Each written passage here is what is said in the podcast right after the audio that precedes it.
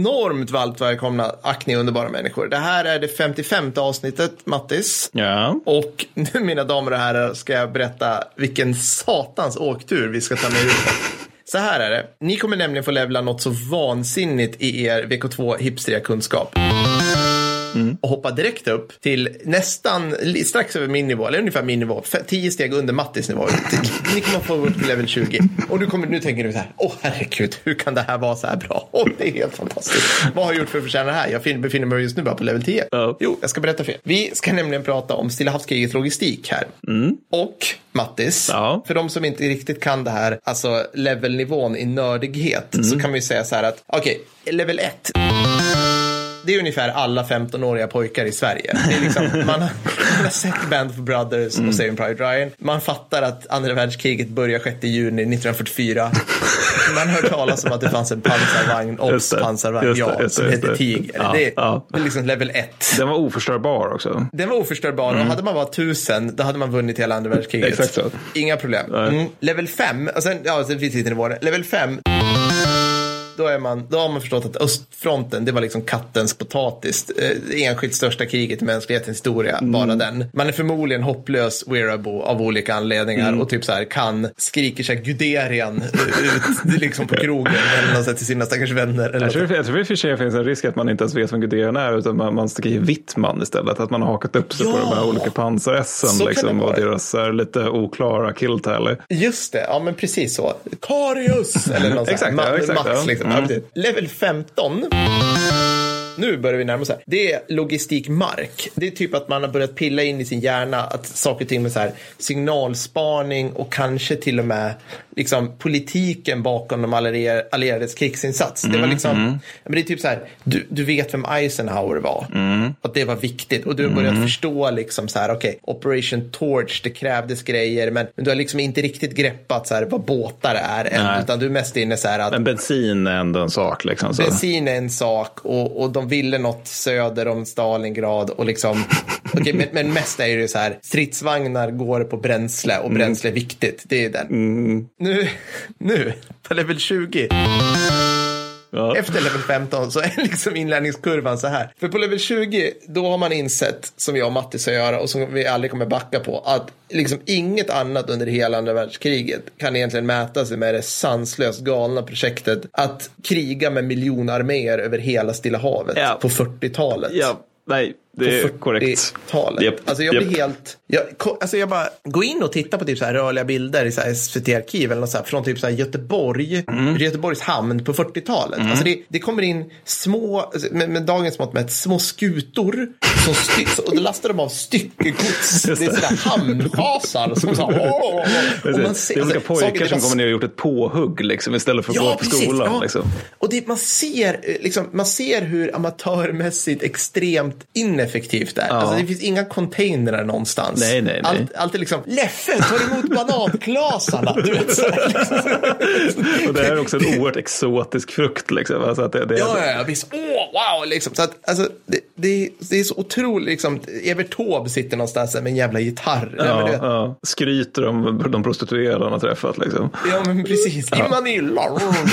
eh, så att, så att jag blir helt, jag blir så jäkla imponerad. Och där, vi ska ta er, kära lyssnare, bara i nackskinnet och lyfta upp er dit direkt. Det här är också vårt mest publikfriande avsnitt någonsin. För att alltså förra, det här släpps ju mellandagarna, så god fortsättning. Men, men god det är också att förra gången vi släppte ett avsnitt i mellandagarna, då var ju det om eh, Sveriges insatser under 30-åriga kriget. Ja. Klacken gick varm och det blev också det som Det eh, våra stolta patroner framröstade till vårt näst, mest, eller näst bästa avsnitt överhuvudtaget. Namn som Breitenfeld och Jankov och eh, andra spännande platser nämndes. Och nu så tänkte vi uppa det här lite grann genom att köra militärhistoria på hard mode och se liksom hur, hur långt kan vi ta det här innan ni bara, nej men det får fan vara nog. Ja, men- För nu blir det logistik som är osexigt och Stilla havet som ja, också är det liksom den minst omskrivna av de större fronterna under andra världskriget exklusive Kina. Japp, japp. Japp. Alltså, och, men vi har, ju, vi har ju försökt att bli av med alla våra lyssnare över ett år nu, Mattis. Vi har slagit dem i huvudet hela tiden. Så här, krig är tråkigt, Ja. sluta, du vet. Ja, Liksom. vi har aldrig varit naiva. Vi har aldrig varit naiva. Naratschsjöarna. Ja, oh, herregud. Hörni, och för er som är patrons där ute, vi hoppas att ni verkligen gillade er lilla present, er lilla julklapp. Ja, Verkligen. om krigsfilmer. Det var otroligt kul att spela in. Ja, det var svinkul. Ja, verkligen. Jag hoppas ni gillar att det var liksom just lite eh, meta snarare än liksom att det var historia rakt över. Mer bilden av historia. Återigen, ni, ni trodde ni skulle få A och ni fick K minus.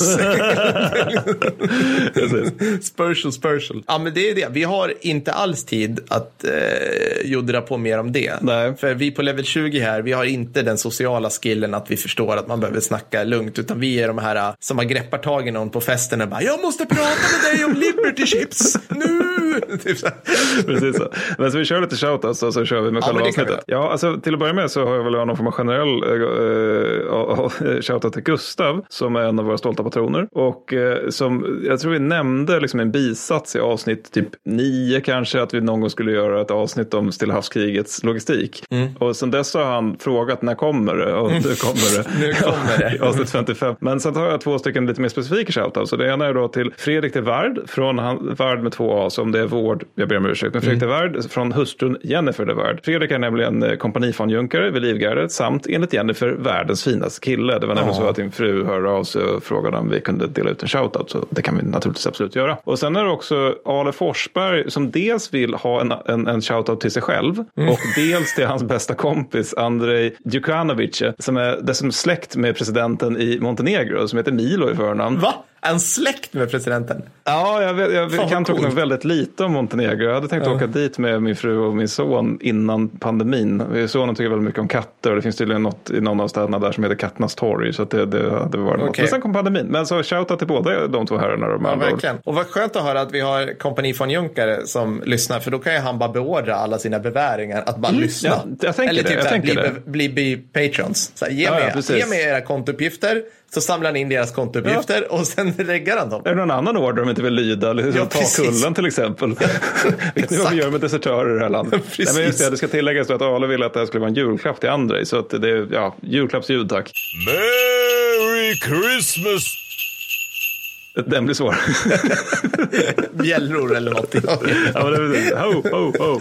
Ja, men vad har du då på? Vad har du? Låt höra. Jag, har, jag, jag tycker vi får in rätt många som säger, säger typ saker och ting om att mitt jobb suger eller jag lyssnar på på jobbet. Jag, det var bara det egentligen. Alltså jag tycker att facken, jag tycker att det är typ så här, vi borde kunna fakturera facken, alla de stora facken, Unionen alla de här, bara för att vi Ja, gör det. livet uthärdligare för alla deras medlemmar. För det är så många som hör av sig. Bland annat då, nu har inte jag någon aning om den här killen där, men eh, bagaren eh, på Twitter, snart måndag, då kommer det äntligen ett nytt avsnitt som kommer göra denna jobbnatt lite mer genomlidlig. Kul, svinkul att höra bara. Verkligen, jättekul. Nej, men faktiskt genuint kul. Mm. Ja, det, det, verkligen. Så är det verkligen. Så det är svinroligt. Så, men apropå jobb, Mattis, nu ska vi prata om typ så här folk som jobbar på båtar, kör lite lastbil, mest och jobbar mycket i fabrik. Ja, de här som Steven Spielberg aldrig kommer göra en film om. Han kommer aldrig, framför, och han, jag menar, i Steve- Steven Spielbergs filmer så kan de synas i bakgrunden. Mm. I Clint Eastwoods filmer däremot, nej, alltså det kommer Ja, liksom men det, inte- det är ju också de här, de här som liksom ofta uppfattas av folk som inte är så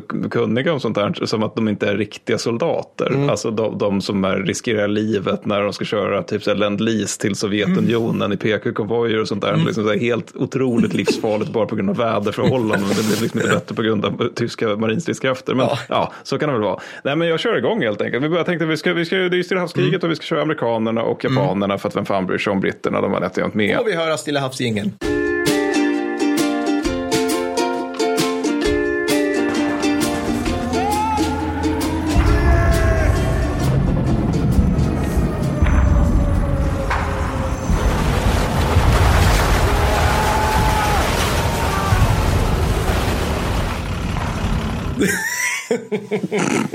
Förlåt. Ja, det bara så här ljud av totalt lidande och svält. Men Eller, så- eller så här fina vågor. Ljudet av eh, men så här, vad är det med Hawaii, den här, äh, skitsamma.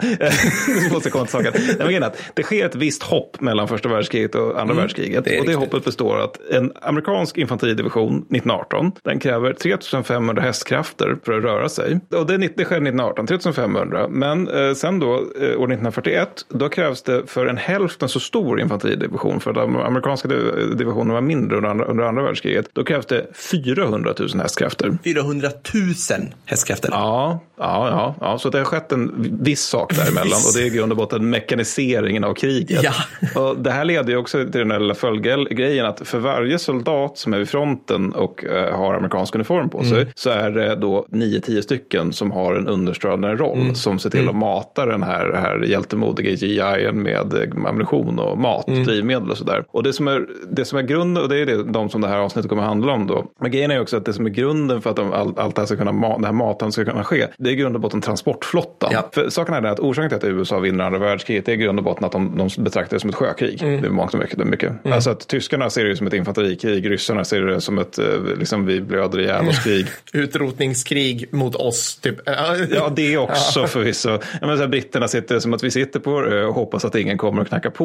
Medan amerikanerna sjökrig. Ja. Så, låt det bara ske. Och det, det, får, alltså det är lite intressant här att det leder till, till en så inåt helvete stor aktivitet när det gäller bara med att bygga båtar. Och det är ju helt livsviktigt för att man ska kunna få hela logistiska maskineriet att fungera. Så under kriget är amerikanska staten i praktiken den amerikanska varvsindustrins enda kund överhuvudtaget. Alltså det finns ju någon så här lustjolle eller någonting som byggs av något så här litet mom and pop store eller någonting. Men, grejen är liksom att det är de som köper fartyg. Så varven de får ur sig fraktfartyg och tankers som ska kunna, kunna bära motsvarande 50 miljoner ton under kriget. Det är en sju helvetes massa. Vad ska vi, alltså, ska vi, jag tänkte vi försöka sätta det, de här bästa tyska ubåts-essen, Ja. sänkte de liksom strax över 100 000 ton. Ja men typ. Alltså, Det, alltså, det, och det, det, är liksom, det är inget nästan i... Nej, nej. Och, och, grejen är också att det, är ju så, så, det är ju en så stor siffra att det går inte att begripa. Men alltså antalet fraktfartyg och tankers under kriget som byggs då, som bara byggs Mm. under kriget, det är 5777 stycken. Så att det är, vad är det, så är liksom mängden skyttesoldater i Sverige Ja. eller någonting idag. Det är något så, sånt. så att det finns liksom ett fraktfartyg. Och det, man pratar väl liksom inte om så här att det är en liten jonk, utan Nej. Mm. det här är stora fuck off-grejer. Liksom. Det här motsvarar 25 miljoner ton stål och 640 300 arbetare som jobbar på det här på heltid. Mm. Det, här är liksom, det är Göteborgs befolkning i USA Mm. som är ute och går till jobbet varje dag med bara göra fartyg Mm. i största allmänhet. och det här är utifrån en varvsindustri som under mellankrigstiden helt på dekis. Mm. Alltså att det är så här, liksom, de, de, det finns nätt och jämt en varvsindustri, men, det blir, men på grund av kriget så blir det en stor varvsboom och det leder i sin tur då till att i juni 1940 så arbetar sex varv med flottans beställningar, Mm. amerikanska flottans. Året därpå så är de 68.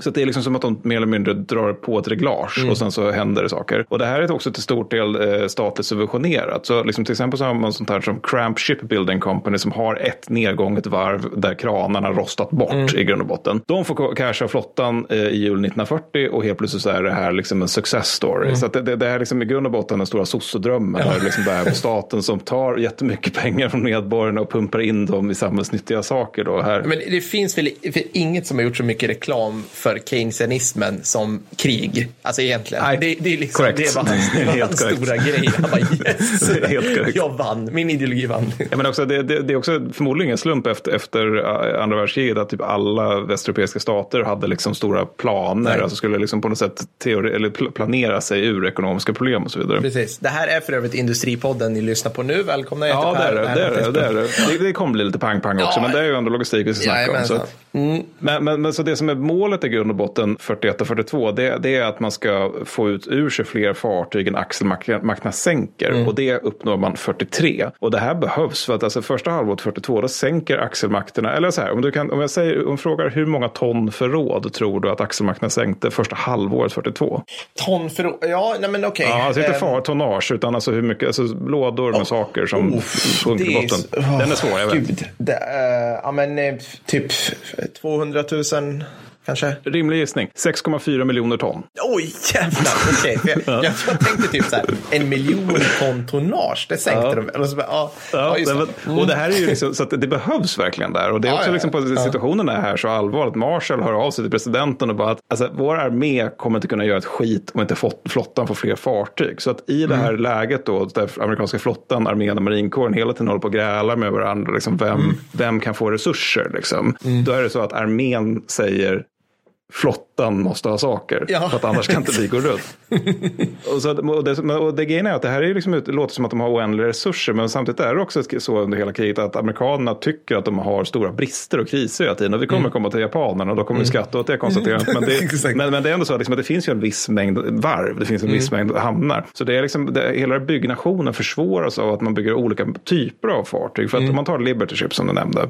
Det är stora båtar. Det är stora båtar. Eller de, de var väl, ja de är stora, men, vi tycker de är stora, men de var väl också så här middle of the road stora på den tiden? Ja, eller? ja, ja, visst. ja, säkert. Men, men, det är ju framförallt att de kan bära så jäkla mycket last. Mm. Men, men de, de vill man ju ha för att för typ förse brittiska civilbefolkningen med bacon Mm. och amerikanska marinkåren med ammunition. Mm. Och glassmaskiner. Och, glassmaskiner. Livets nödtorft helt enkelt. Ja men exakt, så, ingen amerikansk soldat kan ju Nej. gå i strid med värdighet utan det. Men, men, men det är liksom, om man ska bygga ett sånt så tävlar det ju samtidigt med allt annat som ska byggas. Eftersom det är återigen det här att USA är ju ganska långt ifrån Europa. Det är Mm. också ganska långt ifrån Stilla havet. Det behövs fartyg för en mängd olika uppgifter. Så man har till exempel att man har ett Liberty Ship. Mm. Då är det någonting som kräver slipways, det kräver varv och så vidare. Mm. Det kräver kranar, det kräver arbetsinsats, det kräver metall. Då är det ju också det att om vi bygger det då är det kanske så att vi inte kan bygga ett landing ship tank Mm. just här. Och ett landing ship tank det är nämligen en stor sak som ska föra 18 stycken Sherman-vagnar direkt till stranden. Mm. Båda kräver ju stål och arbetstimmar så liksom för varje LST du bygger kommer du eventuellt inte bygga ett Liberty Liberty ship och tvärtom. Alltså Mm. det, men det är hela tiden en avvägning, du måste göra det. Men trots det så byggs det ungefär 2700 Liberty ships och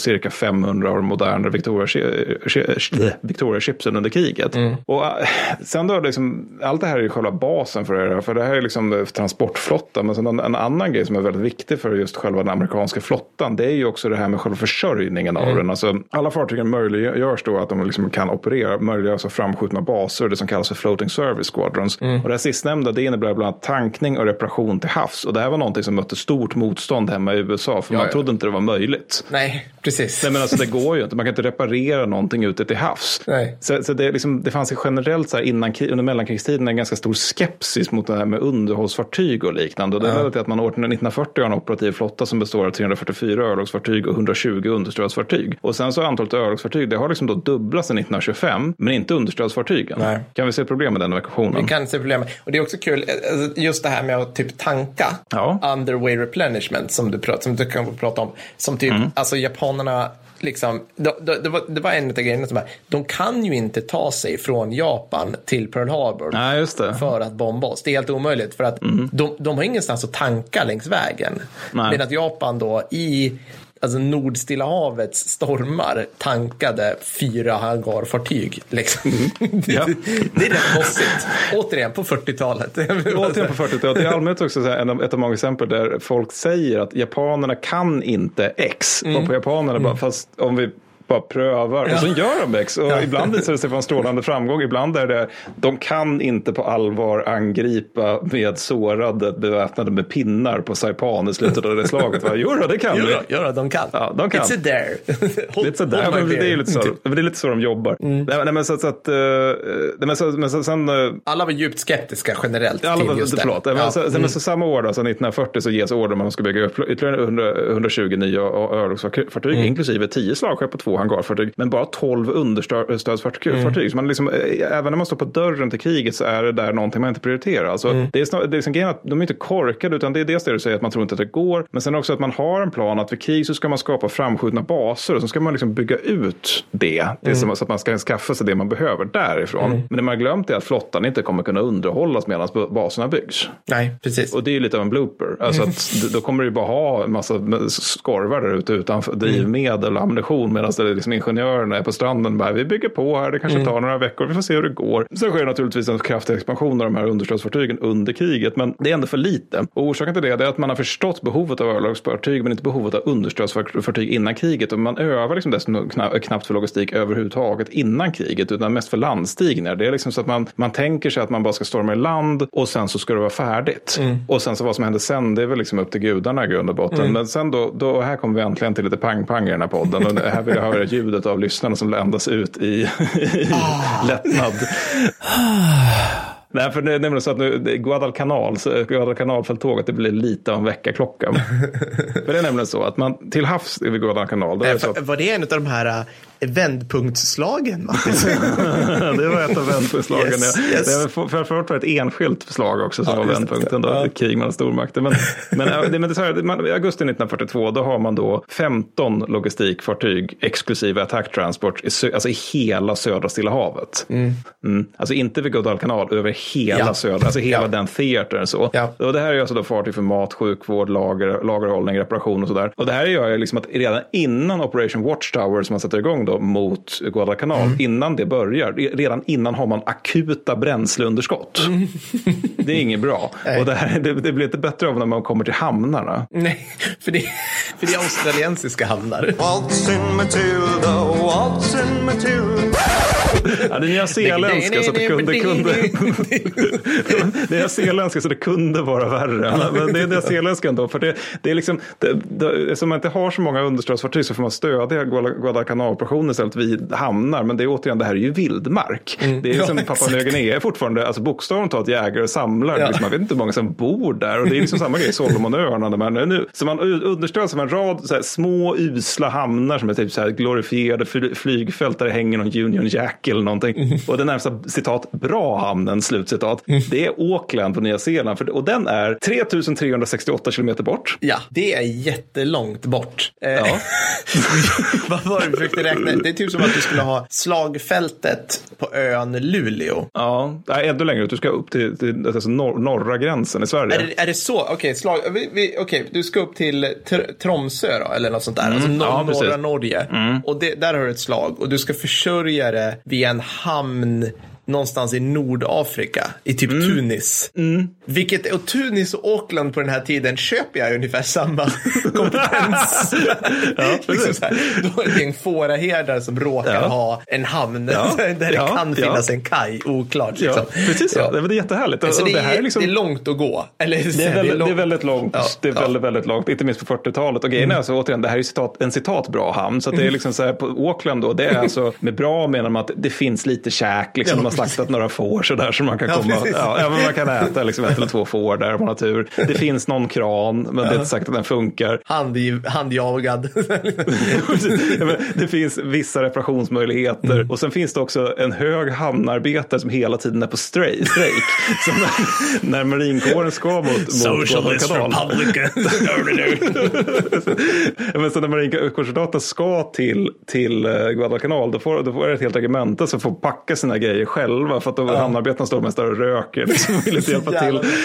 Vi lägger upp bilder och kartor på allt det här. Det kommer bli Ja, ja, fantastiskt. det kommer bli fantastiskt när vi förstår storleken av det. För alltså, Ja, det all logistik ska alltså transporteras från San Francisco till Auckland Mm. och sen till framskjutna förrådscentra i stil med Nomea. Och där, alltså det finns ingenstans på vägen här, typ så här djuphamnar, kranar och så vidare. Och Nomea saknar hangarer, varför transporter, alltså transportfartygen får agera hangarer. Det kan säkert inte leda till några följdeffekter. Mm. Nej, nej, nej. Och sen så saker som har packats, det har man dessutom packat, för återigen det här är liksom lite hantverksstadiet av den amerikanska logistiken. Det har man packat utan att märka det liksom. Så att det är svårt att veta vad ska nu till Guadalcanal och vad ska till Brisbane. Det är oklart. Vi ville ha ammunition. Vi fick Ja. glasstrutar. Alltså man fick bland annat 20 000 kavallerisablar. Jätteviktigt. Ja. Alltså, då är min fråga, utbröt det någon form av duell? Nej, det gjorde det inte. Men Fan. däremot, man hade inte fått några machete så att de här sablarna fick då agera, vilket i och för sig är ganska episkt. Men, då, men och det, och grejen också på den här Nomea, det finns liksom inte tunga kranar förrän i oktober. Och det här är liksom lite olyckligt när, man, när det dämper ner liksom ett fartyg. Då 20 ton tunga radarenheter. Just det. För liksom, det ska man ju då baxa av på Ja. något sätt. Och det kanske blir lite galet. Men sen på själva ön, då fortsätter ju festen. För där är det ju liksom att det finns inget, liksom in, finns inför fälttåget ingen order som talar om schemalagd försörjning av trupp på Guadalcanal. Utan man tänkte ju liksom mer sådär att ja, men det, det reder sig väl liksom. Och sen har man då en framskjuten bas, men det tar fyra månader att bygga den på grund av oklara ansvarsförhållanden, brist på erfarenhet och inte minst japansk beskjutning. Då. Och att log- logistiken är ett problem, det är liksom någonting man inser först efter att man har satt i land folk. Då.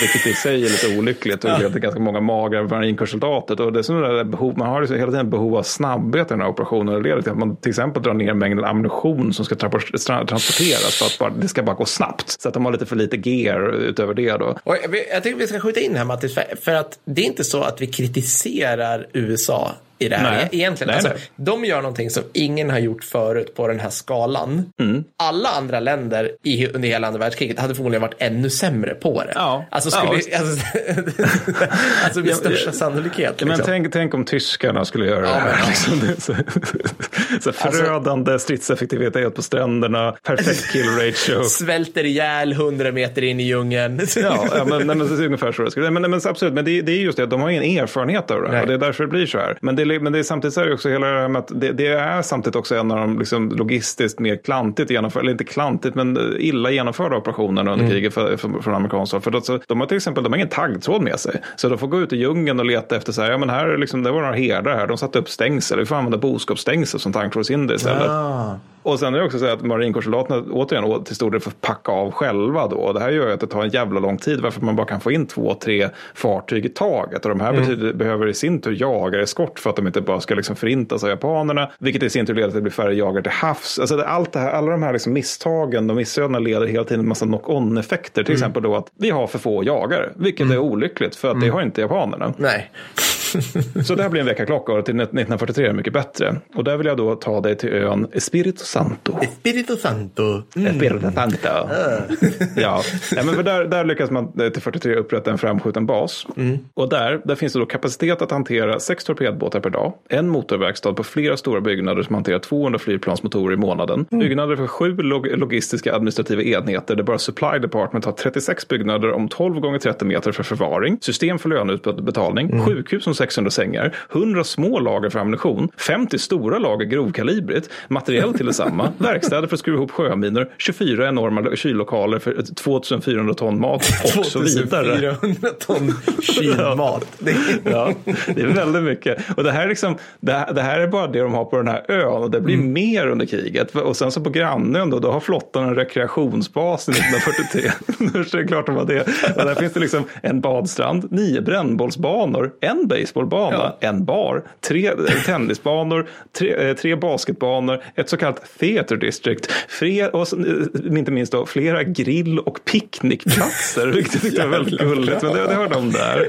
Och vid det här laget så har man ju liksom även kommit igång med reparationshamnar och reparationsfartyg samt byggt ut befintliga i Mm. Auckland. Då, så att det blir liksom bara mer av det här ju längre kriget fo- eh, fortgår. Liksom. Alltså man smäller upp djuphamnar över nästan hela Mm. Stilla havet. Alltså det, det är mycket det som är imponerande med att på många sätt är det så att amerikanerna verkligen för det vi tänker på som civilisation Mm. till många delar av de här världen. För att de är antingen obebodda eller bebodda med liksom folk som le- lever på trädgårdsjordbruk och eh, kallar malaria för onda andar. Precis. Ja, det- Jag tycker det är så sjukt imponerande att man på den korta tiden blir så pass mycket bättre på det här. Mm, och liksom, och det, är ändå, det är ändå som du säger, alltså, så här, att de, de hela tiden upplever att de har kriser, att "Ja, det finns ingenting. Men jag menar, liksom, Truman satt ju i en, i en så här, kongresskommitté hela kriget som hette The Truman Committee som skulle just kolla på ineffektiviteten i amerikansk alltså, byråkrati och att det inte blev någon korruption liksom, kopplat Mm. till. För att alltså, alltså bruttonat, eller liksom, nu ska jag säga, anslagen till de väpnade styrkorna steg ju från typ 2,5 procent till så här 45 procent Ja. under kriget, eller mera. Så det blev Mm. så sjukt mycket pengar in i den här sektorn och då blev det ju liksom att så här,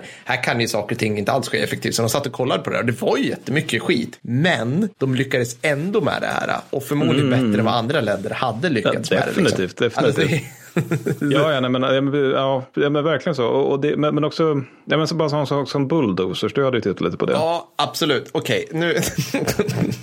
det här. Alltså, välkommen till åttaåriga pojkar-podden för alla oss som älskar maskiner.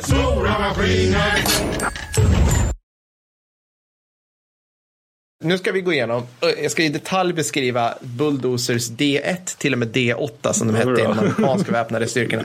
Det, alltså, nej, det ska jag inte göra. Men det här, är- det här är sött. Tack Eh, Gud. vad, för det första vill jag bara säga att idag, ni som lyssnar på det här tänker ju, svensken ser bulldozers på ett ställe. Mm. Det är på tv när det är så inslag om hur hashtag ondskan skövlar regnskog i Amazonas. Just det, det är där ja. man ser bulldozer. Det är enda stället. Jag bor omgiven av byggarbetsplatser. Jag har aldrig sett en enda bulldozer. Nej. Men, att de skövlar regnskog, det stämmer för det vi ska prata om. För det var exakt det de gjorde under VK2 också. så det passar rätt bra. Det såg ut typ så. Apropå det där jag sa liksom. med ta civilisationen, att det är liksom lite... Det är verkligen, Ja. det är verkligen, de satte i land de här jävlarna och de, alltså det var rätt coolt för de hade, de hade allt ifrån liksom väldigt så här, söta luftburna varianter som på riktigt sattes i land med glider airplanes. Och, det- kolla på bilder där, jag ska lägga upp. De, du åker på en motor med ett schaktblad på. Är väldigt sött. Till då ett så här monster som kunde putta omkring ett, ett berg liksom. Alltså. Mindre. Och sen, sen nu, det här är, det här är en nypa salt på ett sätt, för det är roligt. Okej, så totalt fick de allierade krigsmakterna ta emot över 100 000 traktorer, hette de egentligen. Bulldozers är om du sätter en, en, en, liksom ett schaktblad på. Det, mm. Men vi kallar dem för bulldozers. 100 000.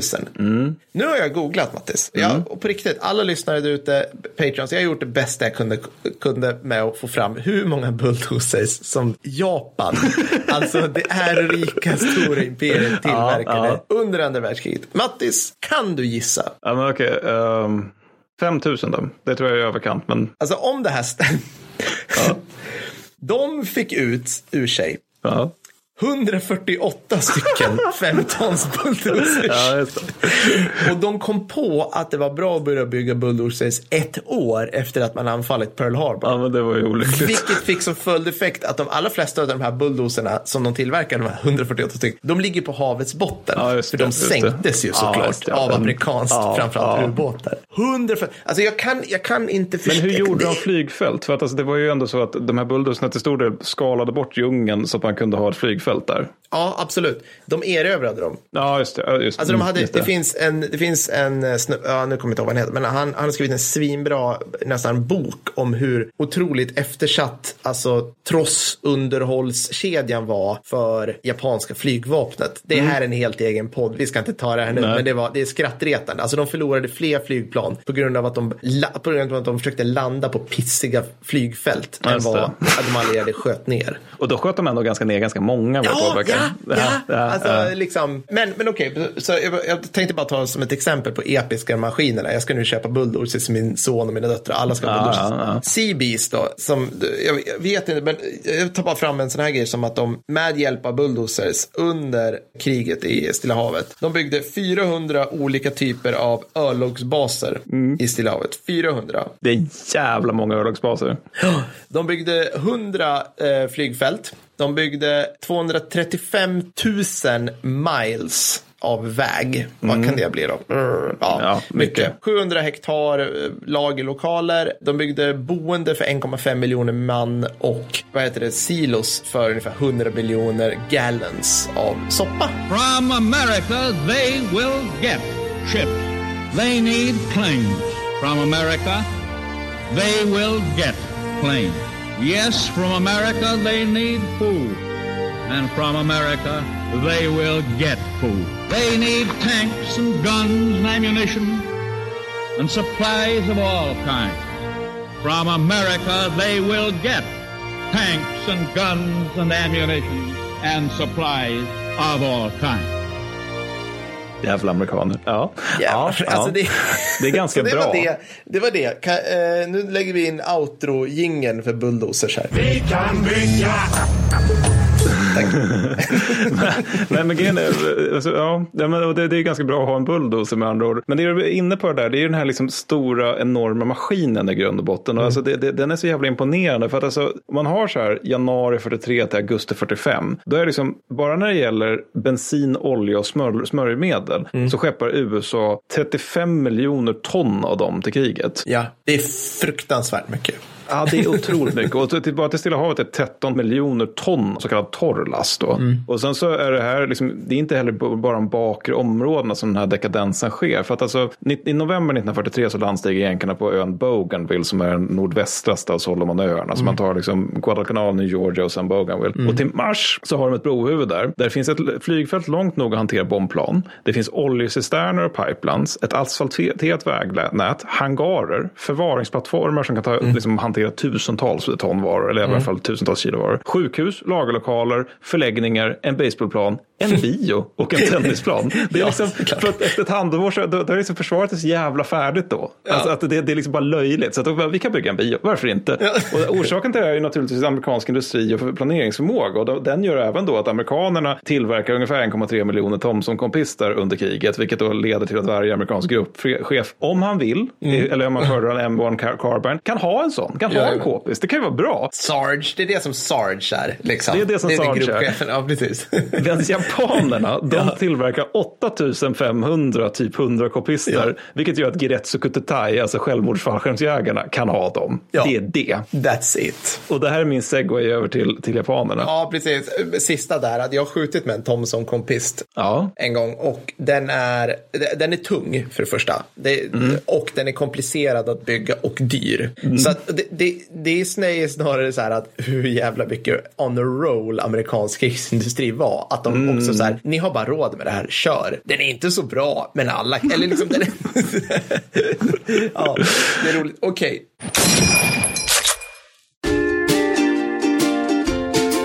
Detta avsnitt sponsras av ingen mindre än det anrika företaget Gösta Pacific Logistics. GPL. Behöver du skeppa din familj, din bostad, sommarstuga, bil, strategiska bombflygplan och diverse husdjur till en extremt avlägsen tropisk ö så är det Gösta som gäller. Jag menar, vem vill inte fly det kalla Sverige nu liksom? Mattis, du har väl redan skeppat iväg dina svärföräldrar till en malariainfekterad söderhavsö för lite avkoppling va? Jajamän. Väl på plats tar Gösta givetvis ansvaret och smäller upp alltså, livets nödtorft, basic bara. Glassfabrik, tennisbana, biograf, minst en dansbana och bar.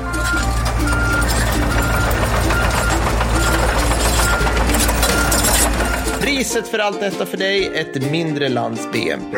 Passa på nu.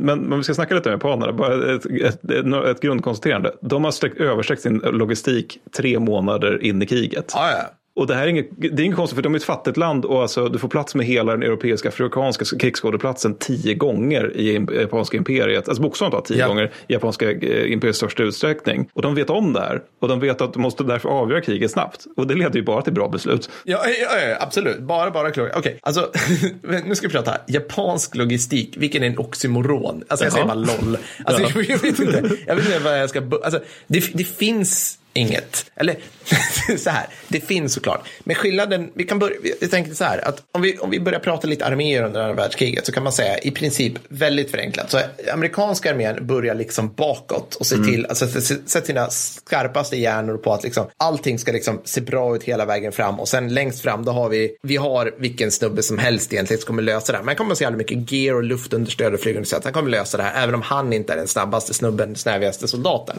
Tyskarna tänkte tvärtom och försökte liksom att den soldaten längst fram ska vara så jävla bra som möjligt. Sen bygger vi lite bakåt, men vi har ändå en bra, liksom, bra där. Ja- Japan, de gjorde liksom egentligen ingenting. Alltså, eller de, de, de, de sa liksom att snubben längst fram ska vara bra, men vi ger han inget stöd. Nej, nej. Att han ska inte ha någon gear. Han ska vara självförsörjande.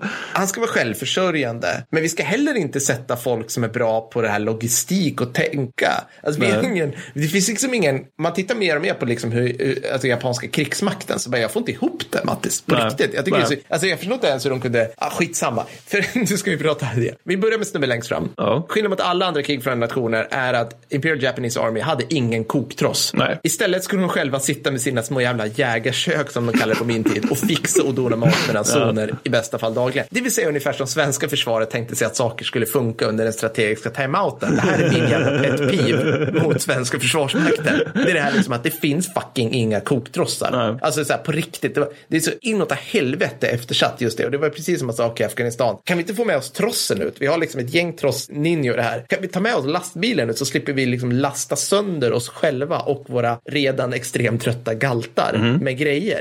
Nej, nej, det kan vi inte ha. Varför inte då?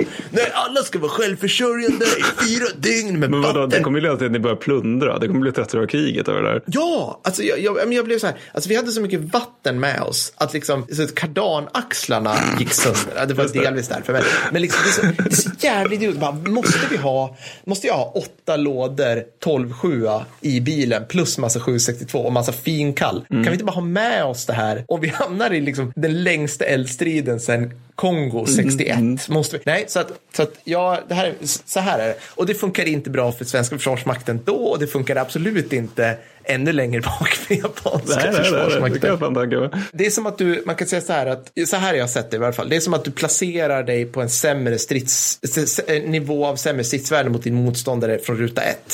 För du, du är redan på nödförfarande, det Ja. vill säga att du ska fixa maten åt dig själv. Medan han får det serverat liksom. Ja, men ja, verkligen så. Så redan där. Och sen är det dags också, måste jag säga Mattis, att du, du brukar ju vara den som är grimdark i avsnittet och jag näsfnissar. Det. Men nu ska Ja. jag bli lite grimdark Ja. också.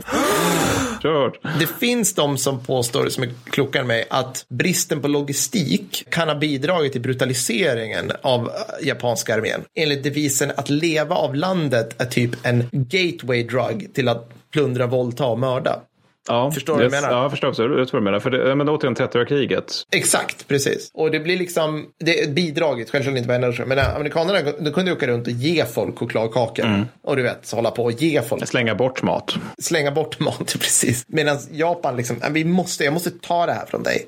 Och då är det liksom, det är redan det är ju en slags övertramp på en människas liksom, person och, och egendom och sånt. Så att, Men, men det sjuka med det är också att de, de är vad jag vet den enda armén där liksom i uh, operationsplanerna så är furagering en Exakt. del av sättet man försörjer knektar dem på. Ja. Det, det är så när de ska gå över, när de skickar ut några tusen man för att gå över Owen Stanley Ridge under Kokoda Mm. Track, då är det ju att de, de säger åt, de förstår själva, vi kommer inte kunna försörja de här på ett värdigt sätt liksom. Så de säger, liksom uttryckligen säger att vi skär ner er ransoner med en tredjedel nu. Och de frågar, hur löser vi det här då? Um, lokalbefolkningen har grisar, det finns tarefrukter.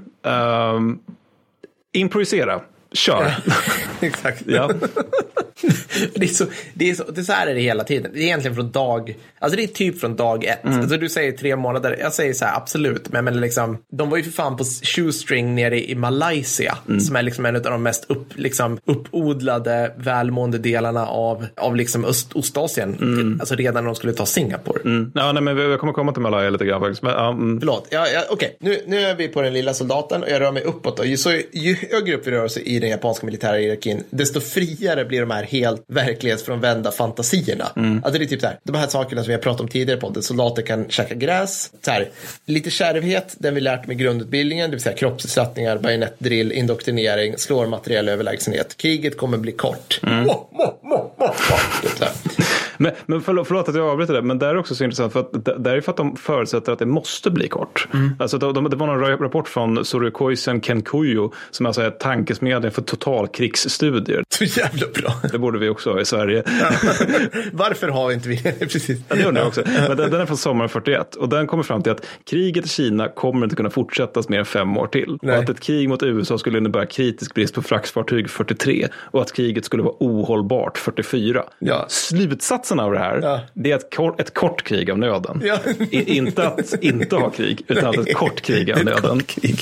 Ja, men, ja, men det är ju verkligen så här. Och vi, jag kommer ner till oljan sen och där, mm, ja. där händer det grejer. Skitsamma, alltså ett, ett exempel på det här då, till exempel, alltså så här, mm, på den här orgnivån som vi pratar om. Det här är innan ens operationerna börjar. Det här är alltså innan generalerna får sina tilldelade förband och ska sätta ihop det här i planer och genomföra. Så ser orgen ut så här. En transportbataljon som tillhörde, det var en till varje division, är på eh, 2200 upp till 3700 man. Bara där är man lite orolig över att det är så en jävla diff Ja, faktiskt. ja. För att det är lite grann vilket människor så att de, som de skrapar upp. Plus 2600 djur.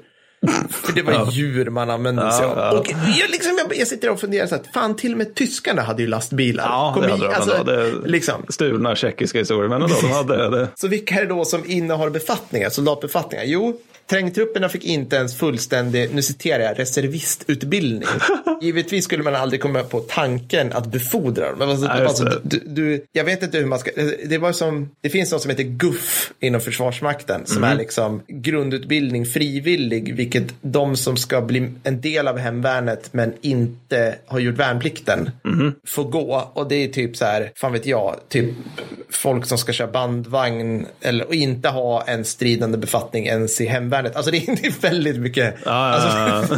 Det är inte typ- minsta tänkbara krav, lägsta tänkbara kraven på en soldat. Det är inte tip of the spear så. Det... Det, det är inte tier one Nej, nej, soggen. nej, nej, jag förstår, jag förstår. Alltså, jag vet inte hur, jag ska liksom back, hur långt jag ska försöka förklara det här. och Nej, backa. nej. Jag säger inte att de inte ger bra saker. Nej, nej, nej, nej, nej, men jag tror säkert att lyssnarna... Nå, på- nåden oss om vi skulle kritisera hemvärnet på något. Gud, Men, men det är typ, alltså det är typ, typ den nivån liksom. Ja. Ja, där gjorde jag det. Nu kritiserar jag. Förlåt, men det, är liksom, det är Klipp väldigt kort. Klipp, klipp bort allt det här. Förlåt. Men skitsamma. Så, och, framförallt, skitsamma grundutbildning. Poängen är ju att de inte kunde befordras, vilket då kan du säga hej då till meritokrati, Mattis. Mm. Alltså då kan ingen röra sig uppåt och kunna förändra saker på något vis. Liksom. Men, det- men det måste ju också vara bidragande att de ganska ofta använder slavarbetare. De kan ju inte heller, alltså, det, det alltså Tarrava och Quailin och sådär, då står det ju förlust, förlustsiffrorna, så här, plus 400 eh, koreanska slavarbetare Ja, dödades. De, de kan ju inte heller känna någon så här jättestor meritokratisk känsla. Så. Nej, nej, men precis. Men det här är ändå, var, det också del av att föra fram förnödenheter? Var det Ja, de... eller bygga ställningar och sånt där. Ja, men göra. precis. Så, och precis. Flygfält. Där, ja, exakt. Bristen på bulldozers gjorde att 2500 javaneser fick arbeta ihjäl sig på att göra ett flygfält. Sådär ja. Mm. Mm, så är det med det. Skitsamma. Jo, och vilka skulle då leda dessa stackars eh, hemvärnsguffare? Förlåt. jo, det skulle vara officerare som var ett slags B-lag redan där bland reservister. Och de hade typ gått så här, men kommer du ihåg på gymnasiet, Mattis? De, alltså, motsvarigheten till att de hade valt individuellt val officer fem gånger. Alltså, så den, nivån, den nivån, samma gedigna utbildning som du fick när du gick så här, fotografi i andra Just ring eller något annat. det. Ja, Liksom, ja. Så mycket som fotograf blev du där, så mycket Ja, officer. förstår. Ja. Så här, och ergo att ingen av de andra officerarna lyssnar ju på dem kopplat till något överhuvudtaget. Alltså det, det var liksom, de hade ingen som företrädde den funktionen på högre staber. tråkigt, tråkigt att det blev så. Så, vad leder det här till? Jo, låt mig berätta om Ugo-offensiven i Burma i mars 44 för dig Mattis. Ja. Ja, jag vet. Alltså, det här är alltså en av japanska arméns sista offensiver. Den håller på rätt länge. Eh, nu kommer jag bara citera en för första gången hashtag rolig historiker. Faktiskt, här finns Edward Hoyt. Alltså han, han, det han gör nu är att han citerar ur orden som gick ut, gen- generalsorden, och sen kommenterar han det kan man säga. Så jag kommer bara dra, nästan dra det rakt ut. Okej, officerare och manskap ska bära maximala provisioner på den här trekken. Det här är alltså genom djungel. Vi, vi kan lägga upp en bild på det här också, men det är från pissterräng genom pissterräng till pissterräng. Ja, fint. Då kan ingen strida ordentligt. Det är Nej, liksom nej, effekten nej. av det. Mm, bra det grund. Ja. Ja. Elefanter och oxar skulle användas för att förflytta förnödenheter och utrustning. Ja, det här är toppen för tidig medeltid, inte så mycket för 1900-talet. Ni ska äta oxarna när förnödenheterna är slut. Ja. Så vem ska då förflytta utrustningen? Ja, är oklart.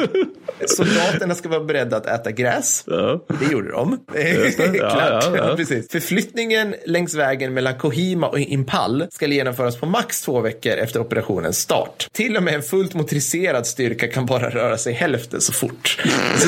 Det, är liksom, fan. Alltså, vägen mellan den vägen då ska repareras och förbättras efter att den blivit erövrad så man kan framföra förnödenhetskonvojer där. Ja, allierade flygattacker gjorde att vägen bara blev sämre och sämre och vi 4 så visste man att det är så allierad flygstridskrafter kommer agera. Så mm. det är typ så här, alltså det, det, var liksom, det blev aldrig bättre. Alltså de, de lärde sig typ aldrig, utan det blev bara mer och mer desperat. Vi kan, om vi tar oljan då. Det här är alltså, Yamamoto sa i princip liksom, vi har fyra månaders olja när vi anfaller Pearl Harbor i oljereserv. Liksom. Mm. Och det är innan de tankade hela hangarfartygsstridsgruppen på vägen. Så jag vet inte hur det kunde se ut. Ja, men det här är verkligen, alltså oljan då. Man hade lagrat 6 miljoner ton innan kriget. Och då tänkte man så här, ja men det här borde räcka i typ två år.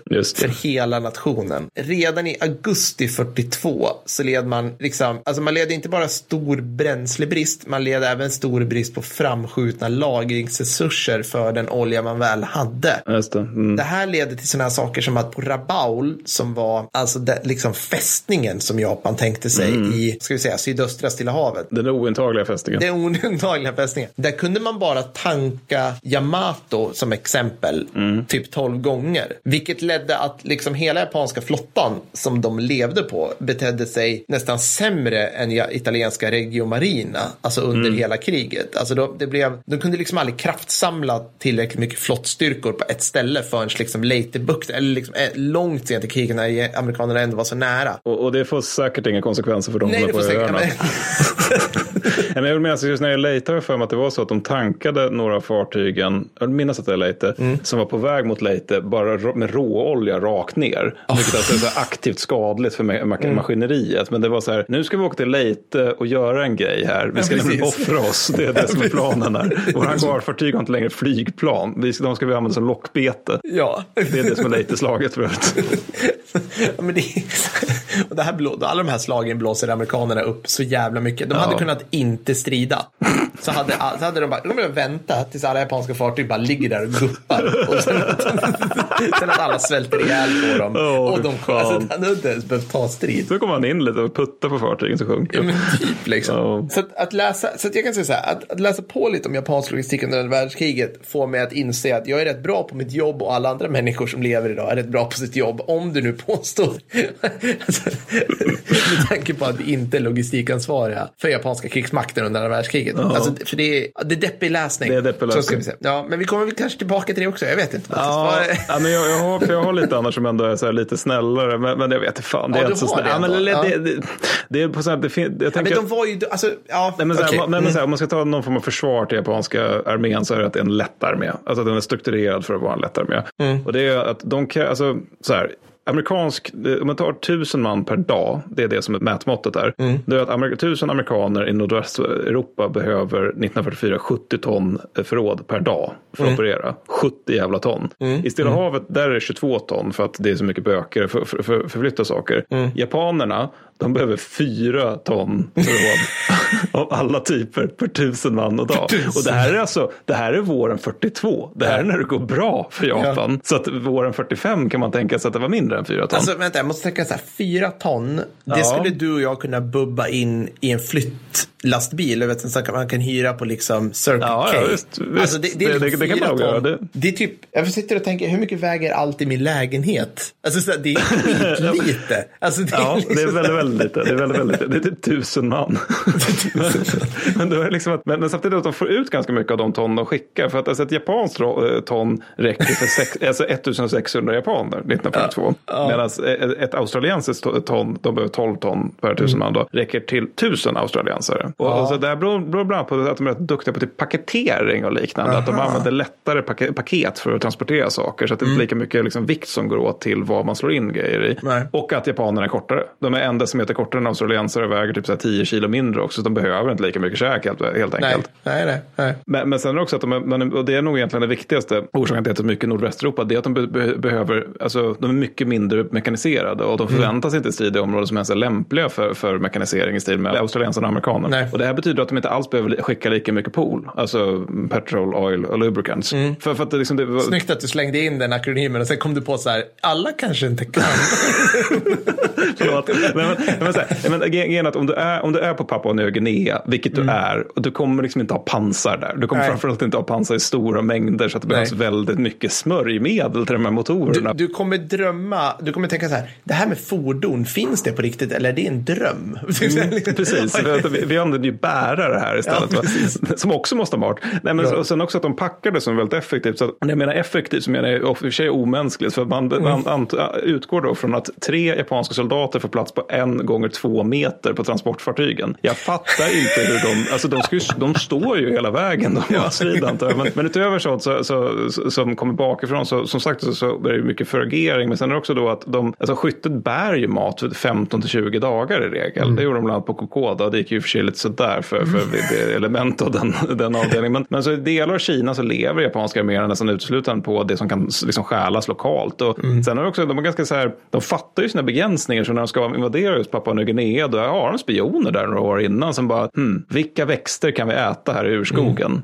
Vad äter lokalbefolkningen? Liksom, och då låter den grisar tarvrötter, eller tar, tarvfrukter med. Och a- allt det här liksom, det här gör att log, logistiken kan liksom mer inriktas på eh, framförallt ammunition och granater snarare än mat. Och liksom australiensarna och amerikanerna, de, de, de gör ju snarare tvärtom till stor del. Då, eller snarare de gör båda. Men problemet är att de är också väldigt lätta i eldkraft. Om du har ett eh, japanskt kompani, då har ju de tre plutoner om tre grupper plus en understödsgrupp. Och det här leder till att skyttegrupperna har ett gevär som är Ja. Det vill säga inte semiautomatiskt. Och ett kulsprutegevär som är en kopia av en Bren Gun, det vill säga förfärlig jävla liksom LMG. Ja, ja. Sen understödsgruppen har då tre stycken små töntiga 50 mm granatkastare.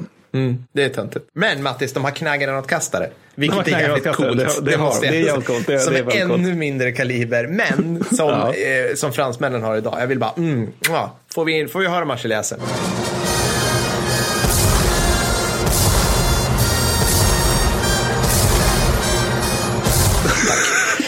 På engelska kallas ju inte det där för granatkastare, det kallas ju grenade, grenade dischargers för att det är en handgranat som man skjuter och liksom lobbar iväg. Amerikaner är sådana töntar när det gäller namngivning. Alla, Ja, jag vi vet. alla, vi vet Vi alla. vet vad det är för vi någonting. vi Ja, men det amerikanska kompaniet, de har upp till tre kulsprutegevär per grupp. Ja. Så bara där så har vi gånger tre då i, i eldkraft. Plus då Ja. att de har M1 Garand.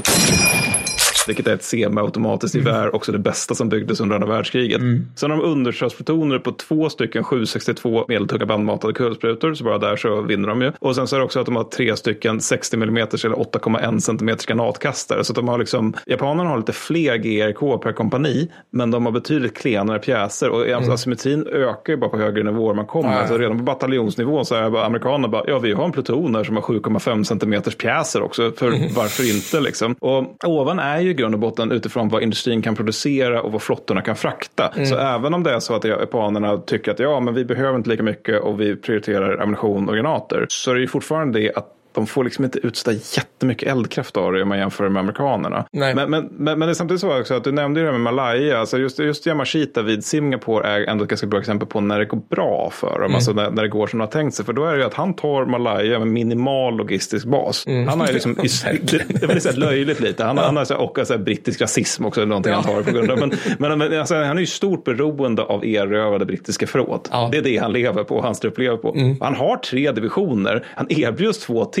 från Tokyo som undrar, men du ska ändå ge dig på brittiska imperiets liksom, ointagliga Deras fästningar. fästningar, ja. ja precis. Just det, hashtag ointaglig fästning. Just Ja, det. precis. Mm. Och de har ju ett slagskepp där ute och en slagkryssare. Kan inte det vara ett problem? Han bara, nej, alltså det går inte om ni skickar två till, vilket ni just har erbjudit er att göra. För att jag har liksom inte logistik för det här. Nej. Och enligt Yamashita själv så är det så att han är helt jävla livrädd för att britten ska förstå hur svag han är och hur illa understödd han är. Så att när de bara, ja, bully bully, couple of tea, vi tänkte ge upp här nu. Vi tänkte att eh, det, är liksom, det kan väl vara bra om vi får till något så här stillestånd, dumt att skjuta på varandra. Då så typ viskar han till sin, sin stab, bara, berätta inte för dem att vår mat just tog slut och att ammunitionen är slut imorgon. Och sen vänder sig britterna med så iskallt ansikte. Ovillkorlig kapitulation. Vi får inte, officerare kommer behandlas som djur, precis som manskapet. Ni ska bli slavar i hela högen. Pa- pa- pa- Poker face. ja.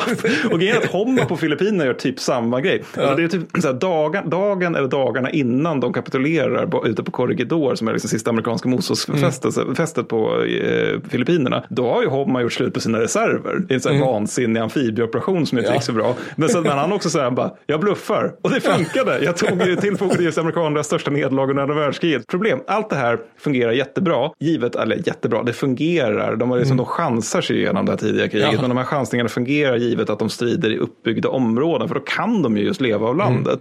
Men det fungerar liksom lite sämre när man utmanar USA på strid på öde öar. Och det är särskilt då det här du nämnde att de har egentligen snabbt få sjöherravälde. För det här stör eller omöjliggör alla japanska försök att försörja trupp via havet när de återigen befinner sig på en öde ö. Där det inte Ja. är så att vi kan Ja. gå till Nanking, bränna ner den staden och sno deras mat. De inte mördar liksom. Men det, det är också, det, alltså japanerna har ju en, en kriminell inkompetens måste jag också säga. Ja, alltså så här, det har de. ja, nu, nu är vi ska inte debattera men liksom under hela kriget när de väl märker så här, fuck, vi är typ så här, nu börjar amerikanerna sänka våra trupptransportfartyg och vi, vi kan inte nå våra framskjutna baser. Vad gör de? Bygger de flera liksom ko- konvojeskorter? Bygger de flera, börjar de standardisera sina, så här, sina fraktfartyg? Liksom? Börjar de organisera saker i konvojer? Nej, de fortsätter snickra vidare på Yamato Mishushi eller vad fan de heter. Alltså de fortsätter med så här, helt idiotiska så Ja, att, ja, det gör de, det gör de. resurskrävande grejer. Så att, liksom, till, till exempel, du var inne på Liberty Chips. Liksom. Mm. Alltså, japanerna hade sju olika oklara varianter av fraktfartyg som de höll på med. Byggde lite intermittent oklart när de kände för det. Under hela kriget. Och sen typ 44 så bara, ska vi standardisera grejer? Ja, men då var det för sent. Då hade man så dåligt stål och så kass arbetskraft så de var liksom inte sjövärdiga. Typ. Ja, men grejen är också att de, de, de prioriterade ju aldrig det här med typ så här minsvepare och sånt där, Nej. vilket är ett problem. Eh, så att det är liksom, även för de bygger ändå en del. Alltså det är grejen att de har en handelsflotta på 6 miljoner ton innan kriget och så Mm. bygger de ytterligare 3,25 miljoner ton under kriget. Och de slutar kriget med 2 miljoner ton. Mm. Varav 312 000 ton anses sjövärdiga. Så Mm. att alltså resten är antingen sänkt eller, eller skadat så pass illa att det liksom inte kommer, går att använda. Nej. Men, men, men jag bara ska bara som en avslutande, för jag tog upp det här med Guadalcanal, amerikanerna, att de hade liksom lite, att det var, det var liksom, det förmodligen det kämpigaste slaget de har i Stillahavskriget rent logistiskt. Och det som är intressant är att det här är också på något sätt det jämnaste slaget om man ser till vad de respektive sidorna kan sätta in. Alltså för att japanska flygvapnet är fortfarande svinbra, japanska flottan är fortfarande svinbra, ar- armén också liksom jättebra på att slåss. Liksom. Är inte så duktiga på att försörja sig, sig själva, men de är duktiga på att slåss. Så man då säger att jä- jänkarna har det lite motigt så logistiskt, så tänker jag ändå att det finns någon rimlighet att försöka förklara hur japanerna hade det på Guadalcanal. För då är det liksom så att de försöker handa, hand, hantera Guadalcanal och Papua Guinea samtidigt, Ja. utöver att de är i ett krig i Kina som de hållit på i Ja. flera år, Ja. och att de håller på att ockupera hela Östasien. Ja. Allt detta kräver flottresurser. Ja. Och nu har de en ny liten grej på Guadalcanal. Det var, oj då, världens största industrimakt gick just i land där. Vi, vi, vi försökte suggerera bort det några dagar. Sen, nej fan, det var visst här. Ja, nej, men så det är att de sätter in trupp. Men alltså, så här, trupp sätts in utan att flottan ökar mängden mat som forslas. Det är kriminellt. För då- är det liksom att, att äh, sjömännen bara, ja men det är väl bara där i land soldater. Så, så, ja, sen så händer det liksom saker. Och det man missar utöver mat, då, för mat har vi redan pratat om i matavsnittet, men det är ändå så att man missar mediciner, artilleri och luftvärn. Det är sånt som man bara, vi ser om vi får i land, det förmodligen inte, för vi prioriterar liksom just nu med kroppar till fronten. Och det gör liksom att man sätter i land folk, men man ger dem ingen anfallskraft riktigt. Nej. För hur fan ska de ha det om de inte har indirekt eld, vilket de nätt och jämt har? Alltså de har ju några pjäser som de baxar genom djungeln där liksom så här, du där, du får bära en granat, du där, du får bära nästa granat, men det blir liksom inte så mycket pang-pang av det. Och konvojer med förråd sätts in liksom så pass or- orkeslöst och störs så pass mycket av amerikanska flottan och flyget på Henderson Field som för övrigt japanerna bara ger upp utan en fight, vilket är förmodligen orsaken till att de tappar det här slaget. Det, det går så dåligt att man ersätter det med dels ubåtar, och Per, du får inte plats med sådär jättemycket på ombord på en ubåt. Nej. Och dels, det här är min favorit, man har tunnor som man liksom slänger ner i vattnet och sen så får de guppa mot Guadalcanal och så får man hoppas på att de här liksom guppar till de bitarna som japanerna håller. Japp. Det här är det som är logistiken. Tokyo Express. Ja, och det, och det, det är liksom, det, ja, nej, men det här är ju en vi har ju sagt det många gånger förr, japanska armén är så folkmördande skitorganisation, men det är på något sätt lite svårt att inte tycka synd om skyttet som står där på stränderna och ser tunnorna guppa över till marinkåren som sitter och bara, ja, det är Thanksgiving, vi fick just kalkon, vilket de fick. Så att det är liksom, för grejen att Guadalcanal i praktiken en kapplöpning mellan de två flottorna och vem som kan försörja störst styrkor. Det leder till den här följande lite tråkiga statistik, det vill säga i september så har de två si- sidorna cirka 30 000 man var. Ja. I december, efter att båda har pumpat in järnet, då har amerikanerna 50 000 man. Japanerna har 20 000 man. Och då är det inte så att de har förlorat 10 000, vilket det låter som, för de har förlorat betydligt fler eftersom de också har stärkt upp ön mycket. Och de här 20 000, de är så pass försvagade av sjukdomar och svält att de nätt och jämnt är, går att använda för strid längre. Nej. Alltså det, det, det är liksom, så, så, och det här är liksom när de har som bäst förutsättningar för att slåss mot USA mot öde öar. Det blir bara sämre efter Det det blir här. bara sämre. Ja, men för snart är de på det här med liksom att den ena sidan äter gräs, den andra sidan äter frityrmunkar som det var på Iwo Jima. Alltså, det är så sjukt. Det, så att, precis. Och det, allt det här kokar ju ner till att kolla inte på amerikanska krigsfilmer. Nej, jag ska. Nej. Nej, Precis, men det, Typ det, det, det framstår som att de hade det svårt. ja, precis. Men, men eh, ja, exakt. Jag, återigen tycker jag, ska man ta med sig någonting av det här så är det att vi, man är rätt jävla imponerad av hur de lyckades med logistiken i Stilla havet. För vi, alltså, vi pratar mycket om, alltså, allting var ju mot amerikanerna också. Det är ju det som är grejen. Ja, alltså, det, ja. både, liksom, fienden var det ju minsta problemet. Avstånden, klimatet, liksom, resurserna till hands. Allt det här var ju, ja. Ja, visst. visst. Ja, men också det här med att Europa var det som prioriterades. Just det, precis. Europe first. Europe first. Så, så, så med an, vänsterhanden ska vi nu också Ja, precis. bygga upp Stilla havet här. ja, exakt. Men, men. Ja, det var, jag, jag har sju helvetes mer om japanska produktionssiffror och sånt. Men jag, jag drog så mycket sånt om, eh, jag, hade, jag har jättemycket om Wolfram och va- Vadia, men jag vet inte, det kanske blir artikel vi, istället. vi kanske kan bara, eh, vi kanske kan eh, förgifta våra patreons mail, in, mailkorgar med lite Ja, sånt där. det kan vi göra. Det skulle vi kunna göra. Det blir ett grått julinlägg. varsågod, ta, vår trötta, ta våra trötta anteckningar. Alltså, jag tänkte att jag skulle skriva ut dem lite grann. Ändå. Ja, det du tänkte bara punkt, punktform så. Liksom. Ja. ja. ja, men det är fantastiskt. Coolt. Hörni, nu eh, har vi närmat oss någon form av eh, slut på det här avsnittet. Det är korrekt. Lika mycket svensk ära som 30-åriga kriget tycker jag. Eh, Ja, minst. utan tvekan faktiskt. Nästa avsnitt. Ja, det är 56. Det är till patroner. Jajamensan, ni som lyssnar på detta och är våra underbara personer, evig ära över er alla. Ni har haft den enorma visdomen att rösta fram vad det ska handla om. Och ni har landat i att soldaterna som överlevde allt är det vi ska prata om. Vilket inte alls kommer bli som ni har tänkt er. Cliffhanger, clickbait. Det blir nog lite som jag tänkte. Jag har hittat två helt sjuka exempel.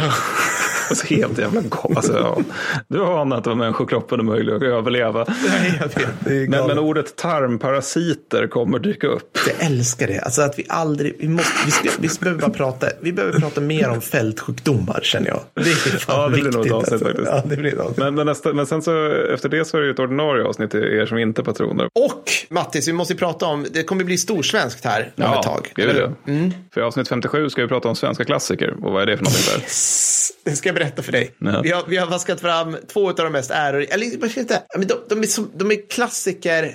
De är inte mest combat i alla lägen, men de är klassiker. Nämligen Tunnan och Stridsvagn 103. Ja. Den tonlösa. Super, och det, det här är sådana här underbara ingenjörsmästerverk som har snickrats fram av så här grå eminenser. Alltså jag tycker det är fantastiskt. Det är så svenskt, jag vet inte vad jag ska Mm. Men också att det är så här tidigt i allting. Det är tidigt Exakt. i svenska, svenska pansarvapnets historia. Det är tidigt i jetteknologins historia. så Ja, det, ja, är liksom, det är också den här lite mer kan de så kan jag-andan på den här tiden. Ja, Det blir kul. Ja, men jag älskar det. Ja, men precis. Det är, liksom, det är enskilda individer som bara, ja, hur svårt kan det vara? Skissa på en, skissa fram en stridsvagn. Liksom. Nej, det blir fantastiskt. Missa inte det. Alltså Napalm kommer släppas i det här avsnittet vill jag bara påpeka. Ja, av ja. svenskt flyg. Ja, på riktigt. Mm. Och mycket, det kommer så, äh, nämnas saker som automatladdare och bakåtförare kommer Mm, också nämnas. Läckra grejer helt enkelt. Det kommer bli svintrevligt. Det blir bra för er. För er som inte är Patreon så blir det första, eh, en trevlig start på, på det nya året. Just det, perfekt. Bra, äh, men tack att ni har lyssnat. Ja, tack så mycket. Och så, och eh, god fortsättning. Ska vi säga. God fortsättning. Bra, bra. Hej då. Hej då.